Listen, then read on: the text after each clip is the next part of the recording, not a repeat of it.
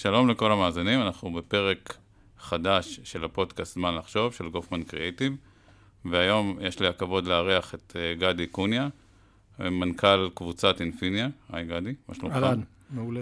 אנחנו נשחח על uh, כלכלה מעגלית ועל עוד כל מיני נושאים מעניינים. אז בואו נתחיל, גדי. אז אות ומתחילים. זמן לחשוב, הפודקאסט של גופמן קריאייטיב, על השראה ומציאות. גדי, מה שלומך? טוב מאוד. אז על מה תרצה לדבר היום? בעיקר על כלכלה מעגלית. מה זה בעצם? כלכלה מעגלית זה תחום מרתק שבו המשאב, חומר הגלם שאתה משתמש בו, הוא בעיני כל האנושות פסולת, הוא משהו שאין לו ערך. אתה אוסף אותו, הופך אותו לחומר גלם, הופך אותו למוצר, מוכר אותו בתמורה מלאה, כשבעצם העלות שלך היא עלות האיסוף והפיכת אותה פסולת לחומר גלם, שזה זול משמעותית מאשר לקנות את המשאב כשהוא משאב שמישהו אחר מכין לך אותו. בוא רגע, תמחיש לנו את זה. אנחנו פועלים בתחום האריזות, בתחום האריזות מקרטון, בתחום האריזות מקרטון ממוחזר. חברה אחת שלנו, ששמה אינפיניה מחזור, אוספת בעיקר פסולת קרטון בכל רחבי מדינת ישראל. אם תרד היום למטה ותסתכל, גם אצלך במשרד יכול להיות שיש אה, כלי אצירה, אצירה באלף שלנו, שאוספים ממך נייר שהוא פסולת בעיניך שאין לה שימוש, אבל גם מחוץ לכל סופרמרקט, תחנת דלק, אה, מחוץ למפעלים, מחוץ כמעט לכל מקום שתבקר בו, יש כלי אצירה, או שלנו או של המתחרים שלנו. אנחנו משם אוספים את פסולת הקרטון. פסולת הקרטון היא בעיני אותו מקום שאספנו אותו ממנו, מטרד, פסולת, אין להם מה לעשות איתו. הם צריכים למצוא פתרון למישהו שיאסוף אותו. הם לא יכולים לזרוק אותו לפח הרגיל, הם לא יכולים, כמו שפעם היו אוספים, לשרוף אותו, הם לא יכולים לטמון אותו באדמה, הם לא יכולים להעלים אותו. אבל במקומות שהזכרתי לך, יש הרבה מאוד מהפסולת הזו. בעצם כל מה שנכנס לסופרמרקט מדי בוקר, כל פעם שנפתח הסופר, כל מה שנכנס פנימה. החקלאות, הפירות, הירקות, המזון, הדגים, הבשר, הלחם, הביצים, הקורנפלקס, השוקולד, הכל נכנס בתוך אריזות קרטון. הם צריכים או לפרוק את אותה סחורה מארגזי קרטון ולשים על המדפים, או לשים עם ה... אבל בסוף משהו צריך לקרות עם אותם אריזות קרטון. הם צריכים להוציא אותם החוצה, לאחד מכלי האצירה, שהיום הפופולרי שלנו, כלי אצירה שאוגרים את אותה פסולת קרטון, ואז לפי איזשהו SLA, החברה שלנו מגיעה, אינפיניה מחזור מגיעה, אוספת אותה פסולת מאותו עסק, מאותה חנות נעליים, פיצריה, סופרמרקט, בנק, כל מקום כזה, מביאה אותו למפעלים שלנו, שם הם ממיינים את זה לפי צבע, מנקים אותו מפסולות שהן לא קרטון, פלסטיק, מתכת, כל מה שיש שם, אוגדים אותו לבלות, שמשקל כל בלה כזו היא טונה, ואת הבלות האלה מוכרים לתחנה הבאה, למפעל הנייר. מפעל הנייר לוקח את אותם בלות של פסולת, והופך אותם בתהליך מאוד מורכב, אבל פשוט לעין, לגלילי נייר לקרטון. אלה גלילים במשקל של שלושה טונה לגליל. זה נייר בצבע חום, שבעצם שלושה גלילים כאלה שנמכרים לתחנה הבאה, אצלנו זה אינפיניה אריזות. שלושה גלילים כאלה, הפעולה נקראת קרגול, המכונה נקראת מקרגל, וגם העסק הזה, המפעל הזה נקרא מקרגל. יש כאלה ארבעה גדולים במדינת ישראל, הגדול שבהם הוא שלנו, נקרא אינפיניה אריזות. באותו מקרגל לוקחים שלושה גלילי נייר לקרטון גדולים, ויוצרים לוח קרטון. הלוח הקרטון עובר לתחנה הבאה, שהיא חדר העיבוד, ושם מייצרים ממנו קופסה, אריזה, ארגז. אם אתה חקלאי בערבה, אתה צריך כזה, אם אתה מגדל תמרים, פלפלים, מנגו, אבוקדו, אתה צריך ארגזים כאלה. זה נמכר גם לשטראוס ולתנובה ולאוסם, זה נמכר גם לכתר פלסטיק, זה נמכר גם למיטרוניקס, לכל מי, לסודה סטרים, ללופה, כל מי שמייצר משהו צריך בסוף לארוז את זה בארגז קרטון. ומפה זה הולך ללקוחות שלו. אז זו הכלכלה המעגלית. זה התחיל בפסולת, שאספנו אותה, עד לחומר, עד למוצר סופי, שהוא אותו מארז שנמכר ללקוח סופי שלנו, שנמכר ללקוח סופי של אותו לקוח שלנו. תיארת עכשיו את התהליך התפעולי. ומה בעצם הכלכלה שעומדת מאחורי הדברים? בעצם, כשחושבים על מחזור, החומר הכי מתמחזר בעולם הוא הקרטון. יש מאחוריו כלכלה אמיתית. לי שווה לשלם כסף, לרכוש משאית, לשלם את הדלק שלה, את השכר של הנהג והעוזר שלו, וללכת לאסוף את החומר גלם הזה. זה העלות שלי. למה בעצם ההפקה של אה, נייר ממוחזר עולה פחות מכל התקורות שתיארת? לא, היא עולה פחות מאשר לרכוש את אותו נייר, הוא נקרא נייר בתולי, בעולם זה נקרא virgin. מה זה אומר? שלקחו עץ, הפיקו ממנו תאית בתולית, ומהתאית הבתולית הזו הפיקו את אותם גלילי נייר לקרטון חומים. בדרך כלל, הגלילי נייר לקרטון הבתוליים עולים בין 150 ל-200 אירו דולר יותר מאשר הגלילים המוחזרים שאנחנו מייצרים. אנחנו לא מייצרים גלילים בתוליים בארץ, אין לנו יער, אין לנו תאית, ולכן אנחנו מייצרים, וגם נוח לנו, יש לנו חומר גלם זמין, היער שלנו הוא הפסולת שהמדינה מייצרת. יש לנו גם מדינה שהיא מאוד מאוד צרכנית. היא נניח כמו אמריקה, היא לא כמו אירופה. במדינה שהיא מאוד מאוד צרכנית, אנשים צורכים הרבה, מבזבזים הרבה, זה אומר שאתה קונה הכל. עכשיו תחשוב שבעצם כל מזגן, כל מקרר, כל מחשב, כל אייפון שמגיע לארץ, האריזה לא יוצרה בארץ, אבל מגיע הרבה מאוד פסולת, היא עטופה בקרטון כלשהו. יש הרבה מאוד פסולת. כל מה שאתה מזמין באי-קומרס, כל מה שאתה מזמין מחו"ל, מכל האתרים, מהליבה, הכל מגיע לך באיזשהו סוג של עטיפת קרטון או אריזת נייר, אז יש הרבה פסולת, זה חומר הגלם. תן לי להבין, בעצם אתה מתאר תהליך ש... אם הבנתי נכון את הכלכלה שלו, אתה מדבר על זה שבעצם להפיק, למחזר נייר עולה הרבה פחות מלהפיק נייר, נאמר, נקרא לזה מאפס. נכון. והמעגליות, דיברנו על הכלכלה, דיברנו, דיברנו על המחזור, המעגליות היא אינסופית? היא אינסופית. אני בכל פעם שיזרק הקרטון אני אאסוף אותו, ובכל פעם אני אפיק ממנו קרטון חדש שנעשה מנייר שהוא בעצם עשוי פסולת. עד אינסוף. בתיאוריה, במעבדה, תהליך כזה יכול לקחת עשרה, 12 סבבים. למה אני אומר בתיאוריה? כי אנחנו לא יודעים הקרטון שאספנו את אותו קרטון, יכול להיות שהוא הסבב הראשון שלו, יכול להיות שהוא הגיע עם אותו מזגן מסין, מנייר בתולי. יכול להיות שהוא הגיע מאותו מחשב מארצות הברית, מנייר בתולי. בעולם יש הרבה מאוד מפעלים שמייצרים עדיין קרטון שהוא עשוי מנייר בתולי, שזה הסיבוב הראשון שלו. זאת אנחנו לא יודעים מה אנחנו אוספים. בסוף הכל נכנס למכונות והכל יוצא חדש. ואנחנו כצרכנים יודעים בעצם להבדיל, לא, לא שזה משנה במיוחד, אבל יודעים להבדיל בעין בין ה... בעין אתה לא תבדיל, לא כצרכן, גם לא כתעשיין. מה שכן חשוב לנו, הוא שאנחנו מציעים ללקוחות שלנו להטביע אה, אה, איזושהי כתובת על אותו מוצר, על אותו אריזה, שהיא עשויה 100% פסולת, שהיא עשויה 100% מוצר ממוחזר. זה חשוב היום ללקוחות, חשוב למישהו שמקבל את המוצר, אחד שיש לו מה לעשות עם זה. אם אתה תקבל היום משהו שהוא עטוף בפלסטיק כלשהו, אתה תתבאס. ככל שאתה צעיר יותר, אתה אפילו לא תקבל את זה. אם תקבל משהו עשוי מקרטון, אחד אתה אומר, אני לא מזיק לסביבה, אני לא עושה שום דבר, אני אזרוק את זה, זה יתמחזר. שתיים, גם מתחיל להיות מאוד מאוד חשוב לך להסתכל ולהגיד, וואלה, זה בכלל עשוי ממשהו ממוחזר. טוב לי לקבל את זה. זאת אומרת, המודעות הסביבתית היום, ככל שאתה צעיר יותר, גדולה יותר, אתה רוצה דבר ראשון, שזה יהיה משהו שתמחזר ולא תזרוק לפח וילך להטמנה, ויישאר בתוך האדמה כמה מאות או אלפי שנים. ודבר שני שאתה רוצה לדעת, זה שאולי זה בכלל, בכלל מתחיל כמשהו ממוחזר, עוד יותר טוב. בוא רגע נדבר על, אה, קצת תיארת קודם את אה, תהליך המחזור. אה, עד כמה תהליך המחזור עצמו הוא תהליך נקי? כי אנחנו מכירים את זה מתעשיות אחרות, שבעצם תהליך המחזור עצמו הוא, הוא התוצר שלו ממוחזר, אבל בדרך יש הרבה מרכיבים שמזהמים באופן סביבתי, מזהמים את הסביבה. המפעל שלנו הוא המפעל הכי ירוק שיש במדינה. אנחנו משתמשים במעט מאוד מאוד מאוד מאוד מאוד כימיקלים. חומר הגלם העיקרי שלנו הוא, כמו שאמרתי, פסולת אה, שמתמחזרת. אנחנו משתמשים בעמילן, שזה מוצר טבעי, הוא עשוי מתירס, וכל היתר הוא פחות מאחוזים מאוד מאוד בודדים אה, של חומרים אחרים, אבל המפעל שלנו נקי כי אין לו פליטות.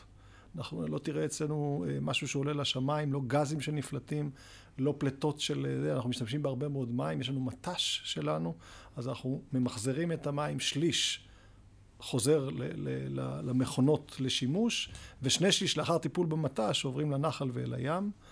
אה, אנחנו המפעל הראשון שחובר בארץ לגז טבעי ב-2007.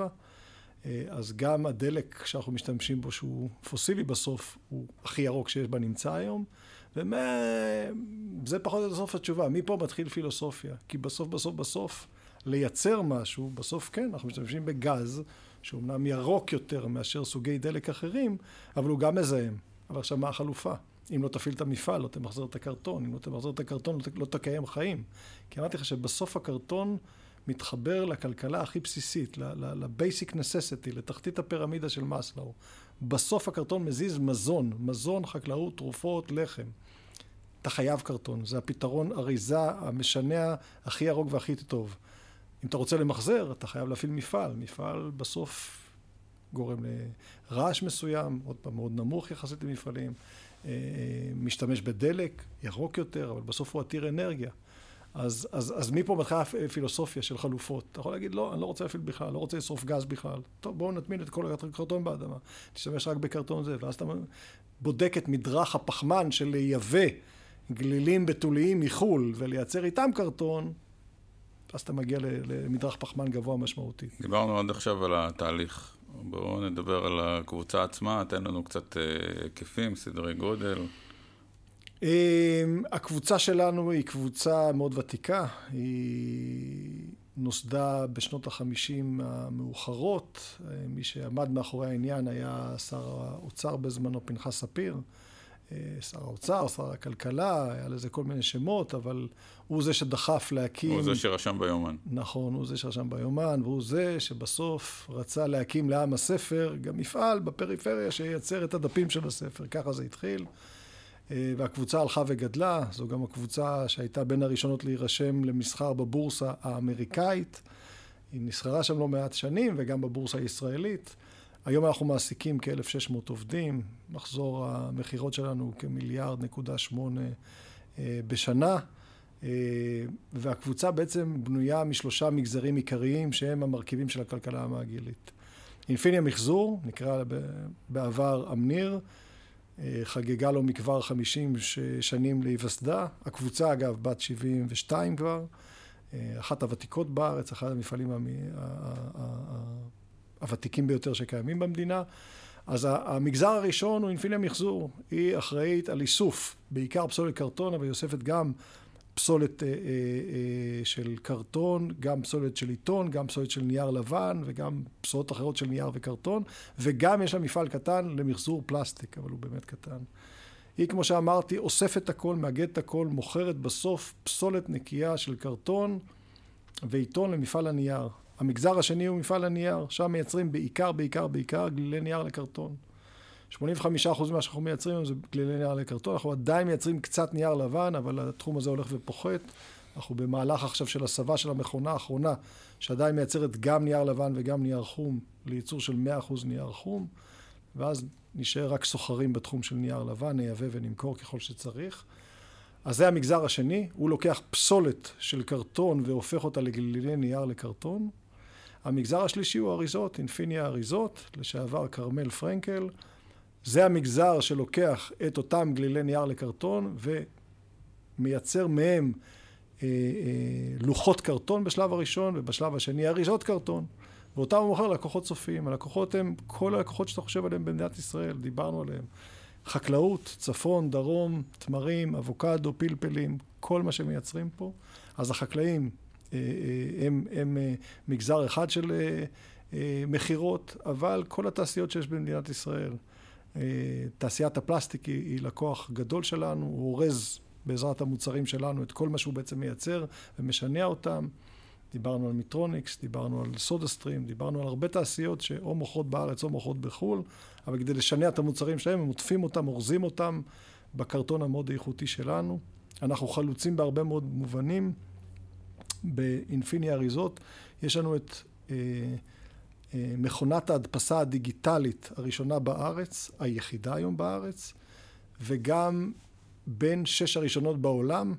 אנחנו יודעים היום לעשות הרבה דברים בתחום הזה, שהוא הכנה לאי-קומרס יותר מפותח, שעדיין לא קיים בארץ, אבל פרסונליזציה זה אחד הדברים שאנחנו יודעים לעשות, היחידים.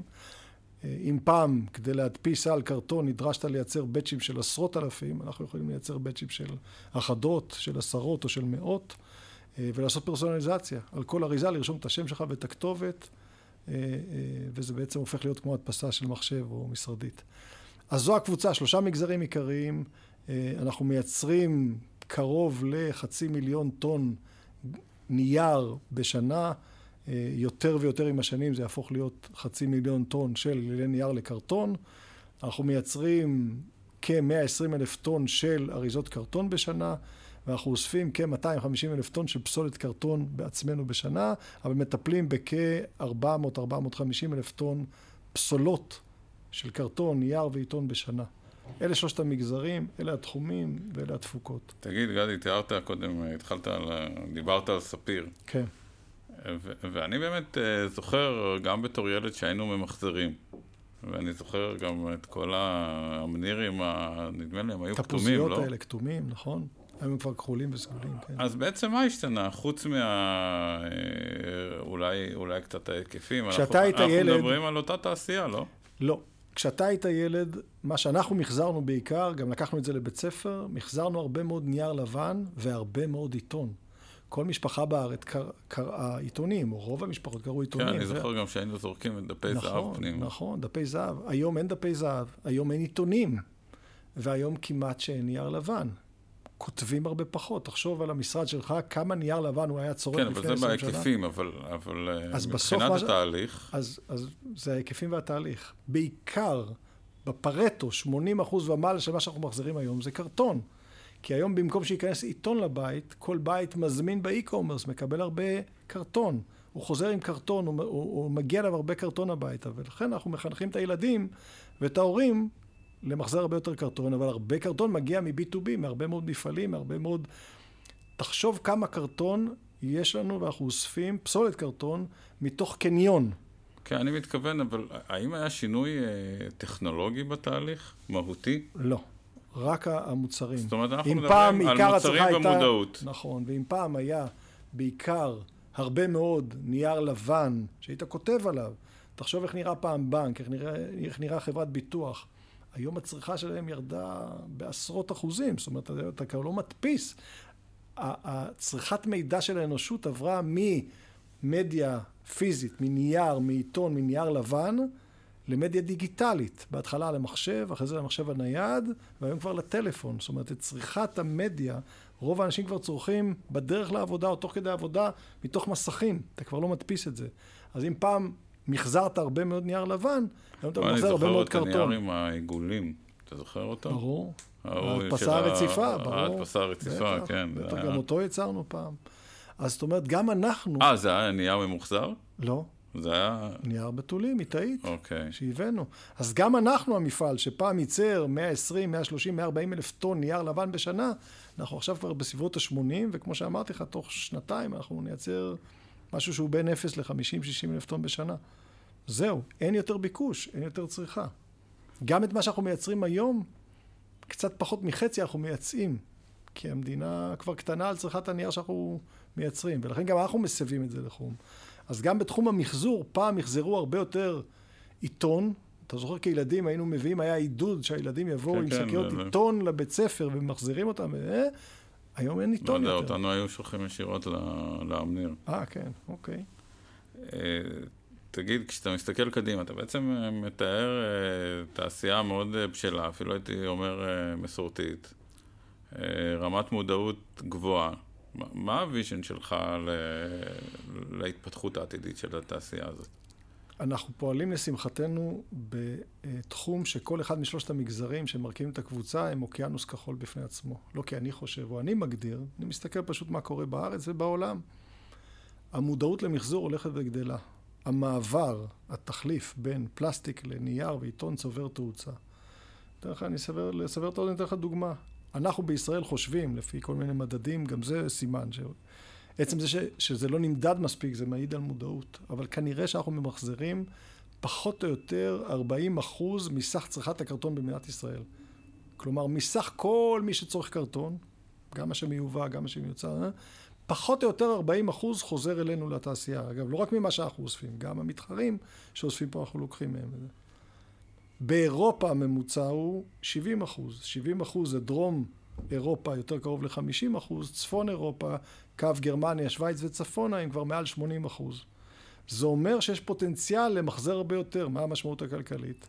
שאני אוכל לגעת ביותר חומר גלם, אני מסב עכשיו מכונה, אני צריך יותר חומר גלם, וגם האיכות שלו תלך ותגדל. זאת אומרת, התחום הזה של המחזור ילך ויגדל. וגם האריזה. אנחנו בעצם כלכלה שהיא הכלכלה הכי צומחת ב-OECD. נולדים פה הרבה מאוד ילדים. המדינה שלנו צומחת בקצבים שכבר אין ב-OECD. זה אומר שיצטרכו פה יותר חיתולים, יותר מזון, יותר חקלאות, יותר קרטון לשנע את כל הדברים האלה. יותר סופרמרקטים, יותר ביצים. ה-GDP צומח פה יותר מהר מאשר כלכלות אחרות. GDP הולך עם קרטון. ולכן, תמיד, יש לנו גרפים על פני 20, 30, 40 שנה, אתה תראה קורלציה כמעט מלאה. ולכן כל אחד מהמגזרים שלנו, עוד יש לו לאן לצמוח ויש לו לאן לגדול, וזה מה שהביזנס צריך. עכשיו, כשאתה מסתכל על המדיניות הממשלתית פה, אה, קודם כל אני אשמח לדעת אם קיימת כזאת, אה, והאם יש לך מה להגיד עליה. קיימת מדיניות, היא לא מספיק טובה. יש לנו יעדים? לא שאני מכיר. אה, ואנחנו, לצערי, לא זכינו להרבה שיתוף פעולה של הרבה מאוד רעיונות שאנחנו מכירים, רואים, מבינים, רוצים לייבא מחו"ל כדי לעשות יותר, כדי למחזר יותר. אין יעדים ברורים, אין אינסנטיב, אה, ואני לא מכיר, למרות שניסינו כמה פעמים, משאבים שמופנים לתחום הזה. הרי בסך הכל זו צריכה להיות מדיניות מאוד מוצהרת, מאוד גלויה, עם עידוד כלשהו מצד הממשלה, כדי שהאזרח ימחזר יותר ולייצר פחות הטמנה, ואתה קורא את הכתבות על מה קורה עם ההטמנה בארץ, לייצר פחות הטמנה ולמחזר יותר, זה, זה המהות. אה, אנחנו מבינים מה קורה לכדור, מבינים מה ההשפעות על, על, על, על, על הטבע, על מזג האוויר, על כל ההשפעות ההרסניות. בסוף זה צריך להיות מחובר ליומיום, והיומיום מתחיל ונגמר במחזור. אה, ולצערי אין מספיק, אה, אין מספיק עידוד ואין מספיק הכוונה או מדידה. אמרתי לך, אנחנו חושבים, מעריכים, זה, זה אומר משהו. אם, אם הממשלה לא מפרסמת מדי שנה מהם יעדי המחזור, אה, וכמה מוחזר. להבדיל אגב מתחומים, אה, מתחומים אחרים, שבהם mm-hmm. באמת אה, יש יעדים מאוד מוגדרים, אני מדבר על אנרגיות מתחדשות למשל. Mm-hmm. כן. גדי, אני מאוד מודה לך על השיחה המעניינת. תודה לך. שמחתי מאוד שהתארחת אצלנו. ולמאזינים, עד כאן, ואנחנו נשמח לפגוש אתכם בפרקים חדשים ונוספים של הפודקאסט מה לחשוב של גופמן קריאיטיב. תודה רבה.